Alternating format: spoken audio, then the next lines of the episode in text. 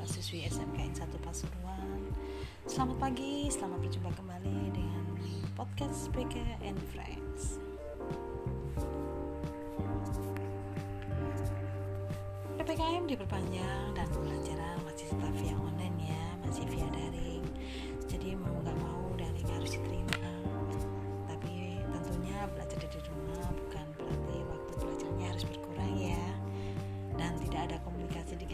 juga bukan berarti mengerjakan tugas juga semakin santai.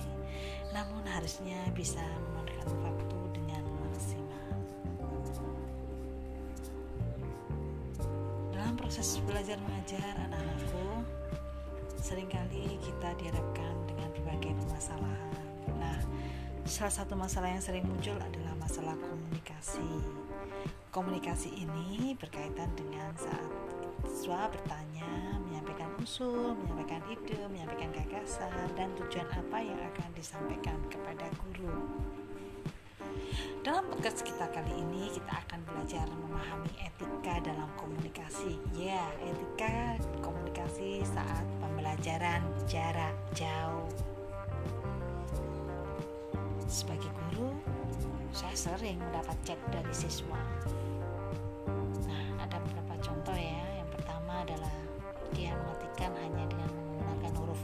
P, P. Tidak saya respon. Kenapa? Tidak ada salam, tidak menuliskan nama, dan pengiriman tidak pada intinya. Contoh kedua, Bu, minta foto absen. Nah, ini juga tidak saya respon. Kenapa? karena dia meminta ya berarti harusnya adalah minta nah karena dari beberapa chat yang masuk kepada saya dan juga dari keluhan bapak ibu guru maka di sini ibu akan membahas kenapa sih etika itu penting terutama kaitannya dengan komunikasi. Ya sangat penting. Yang pertama adalah karena manusia adalah makhluk sosial. Kita harus berkomunikasi ya artinya kita harus berkomunikasi dengan baik agar tidak terjadi pertengkaran. Nah sebagai makhluk sosial kita harus memahami namanya etika komunikasi. Saya akan bahas di sini pengertian etika. Etika itu berarti atos karakter watak kebiasaan. Nah tentunya etika itu tergantung daerah Etika ditetapkan oleh sekelompok makhluk sosial tertentu. Nah, di masa pandemi ini, ya, aktivitas komunikasi itu banyak menggunakan media. Sehingga ketika ada ide gagasan, masalah, kamu tidak bisa menyampaikan langsung kepada Bapak Ibu guru. Nah, yang hal yang bisa dilakukan adalah menggunakan perantara yaitu kita bisa lewat WA, email, Telegram, Facebook, Instagram dan kalau di SMK Negeri 1 kita menggunakan media namanya pembelajaran lewat e-learning. Juga bisa komunikasi di situ. Bahkan ada yang namanya Google Classroom. Nah, kenapa kita perlu etika banyak sekali manfaat dari saat kita berperilaku etika yang pertama adalah orang itu akan diterima di dalam masyarakat karena dia telah menyesuaikan dengan apa yang ada di dalam masyarakat. Mendapatkan kemudahan dalam setiap usaha. Jika sudah diterima di dalam masyarakat, maka dia akan mampu berhubungan dengan masyarakat. Dan dia akan disenangi, dicintai, dan bahkan akan mendapatkan bantuan dari orang lain. Orang yang memiliki etika itu bisa meningkatkan kualitas pribadinya. Pribadinya akan semakin meningkat dan banyak orang yang akan suka padanya. Nah, sebaliknya, jika seseorang tidak memiliki etika, maka yang akan dia dapat adalah kesan buruk. Masyarakat tidak akan menerima dan jika mengalami kesulitan-kesulitan, maka masyarakat tidak akan bisa membantunya karena dia telah menampilkan kesan yang buruk. Biasanya seseorang yang tidak beretika itu lebih kepada tidak mengikuti uh, pikirannya sendiri ya. Jadi dia hanya berpikirnya sendiri kenapa orang lain tidak penting? Orang lain yang penting adalah diriku sendiri. Itu tidak bagus ya seperti itu. Jadi kita harus berpikiran bahwa kembali lagi bahwa kita adalah makhluk sosial kita membutuhkan orang lain. Kita harus bersikap dan bertingkah laku dengan pikiran orang lain. Ya. Nah uh, topik kita kali ini adalah etika ya sekali lagi. Terutama ini saya saya amati adalah saat pembelajaran daring terutama. Nah saat pembelajaran daring ada beberapa hal yang harus kalian lakukan. Ada aturan kita dalam pembelajaran daring. Yang pertama adalah ya pembelajaran daring adalah pembelajaran jarak jauh. Dan komunikasi kita sekali lagi adalah lewat media WhatsApp. Lebih banyak kepada media WhatsApp nah di sini yang pertama yang perlu diperhatikan adalah satu kita harus sopan santun dalam chatting. Bahasa yang harus kita gunakan adalah harus baik dan benar ya. Dan ketika kita bertanya kepada guru jangan lupa ucapkan salam tulis nama kelas dan hal apa yang ingin ditanyakan. To the point ya langsung saja pada intinya. Ketika kalian mengetikkan atau salam atau menyampaikan tujuan jangan menggunakan bahasa aku tapi ganti dengan bahasa saya. Hindari kata enggak tapi ganti dengan kata tidak. Makasih. Kepada guru perlu diganti dengan kata terima kasih. Oke pak. Oke bu terkesan sangat akrab dan hal itu hanya boleh dilakukan pada teman ya tapi pada gurumu jangan.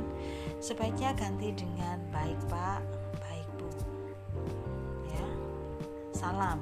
Jangan menggunakan salam dengan hanya menuliskan pak. P. B atau bu. Tapi gunakan salam yang baik. Ya seperti selamat pagi, selamat sore, selamat malam, assalamualaikum, gitu ya. Jadi perhatikan hal tersebut. Nah, format yang bisa saya simpulkan saat mengirim pesan pribadi kepada guru adalah dengan pertama awali salam dengan salam yang baik. Kemudian yang kedua adalah sampaikan permohonan maaf karena telah menyita waktu atau mengganggu. Contoh, maaf Pak, maaf Bu, mohon maaf mengganggu ketiga adalah sebutkan identitas singkatmu. Ya di sekolah itu banyak anak ya banyak murid. Di SMK 1 itu ada 2150 siswa. Dan satu guru itu mengampu 100 sampai 150 siswa. Jadi kalau kalian tidak jelas dalam menghubungi Bapak Ibu maka tidak akan ada respon. Jadi baiknya kamu tuliskan dulu nama alamat nah, bukan nama kelas dan nomor absen tentunya. Ya secara singkat jelaskan kepada Bapak Ibu agar Bapak Ibu mengerti siapa dirimu dan apa tujuanmu. Ya sampaikan tadi maksud dan tujuanmu secara singkat ya. Jadi kaitannya dengan materi apa yang akan diberikan misalkan Bapak Ibu uh, dengan materi yang sudah diberikan apakah boleh saya menyusul mengumpulkan tugas karena saya sedang tidak enak badan seperti itu. Jadi detail langsung pada poinnya kalau sudah dapat balasan dari bapak dan ibu gurumu maka jangan lupa untuk mengucapkan terima kasih ya. Jangan hanya mengetik ya. Meskipun artinya Y adalah ya tapi jangan dilakukan. Sampaikan salam sesuai etikanya. Jangan menggunakan bahasa-bahasa harian yang biasa kamu gunakan dengan teman.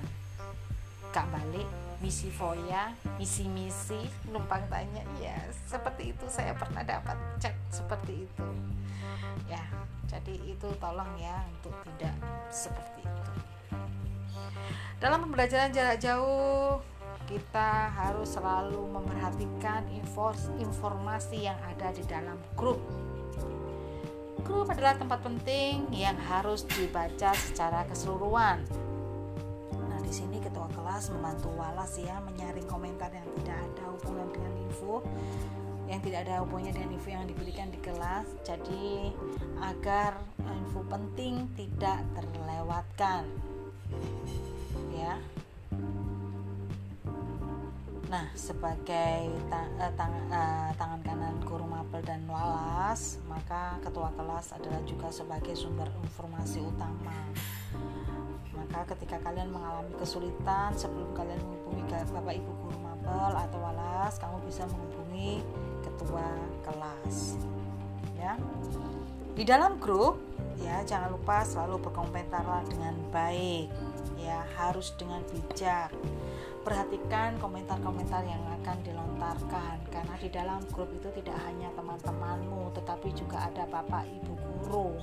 Jadi kalian harus menghargai dan jangan sampai informasi yang penting tadi terpendam atau tidak terbaca karena komentar-komentar yang tidak jelas. Nah kemudian carilah waktu yang tepat ya. Jika ada hal yang penting terkait dengan masalah pelajaran di sekolah yang hendak kamu tanyakan nah carilah waktu yang tepat ketika kamu ingin bertanya. Namun sebelum itu kembali lagi saya ingatkan bahwa selalu membaca informasi yang ada di dalam grup sehingga kamu tahu secara keseluruhan apa yang disampaikan ya. Jadi tidak akan timbul masalah. Jangan sampai kamu belum membaca secara keseluruhan kemudian kamu langsung bertanya sekali lagi bahwa bapak ibu selain tugas di sekolah dia juga punya tugas di rumah ya. Uh, ada masalah urutan cari informasi ya. Jadi sekali lagi kalau kalian mengalami masalah maka hal yang harus kalian lakukan adalah yang pertama menghubungi ketua kelas. Kemudian guru mapel dan terakhir adalah kewalas telepon guru hanya di waktu-waktu yang tepat. Silakan kalian menggunakan teknologi dengan baik, tapi tentunya dengan sopan santun. Baca dengan teliti sekali lagi, kemudian jangan telepon sembarangan dan selalu perhatikan waktu-waktu saat kamu menghubungi atau um, melakukan chat di dalam WhatsApp. Kapan waktu komunikasi yang baik? Merasa mendesak bolehlah. Tapi jangan lupa sekali lagi format yang sudah saya sampaikan. Nah bagaimana? Sudah jelaskah bagaimana cara berkomunikasi dengan baik dan benar kepada bapak ibu guru ya kalau saatnya kamu mengalami kesulitan atau ingin uh, bertanya silakan kunjungi IG kita. Sekali lagi ada IG kita ya BKN Friends. Di situ kamu bisa bertanya bisa berkomentar ya. Atau kalau memang tidak jelas silakan datang ke ruangan kita ruang BK tapi tentunya nanti pada saat uh, pandemi seperti ini masih lewat chat ya. Oke, saya kira untuk pertemuan atau episode kali ini cukup ya. Kalau masih ada ditanyakan, selagi bisa bisa komentar di IG kita atau mungkin bisa chat saya. Oke okay, see you next week. Kita ketemu lagi di episode podcast selanjutnya tentunya dengan materi-materi yang lebih menarik lagi. Assalamualaikum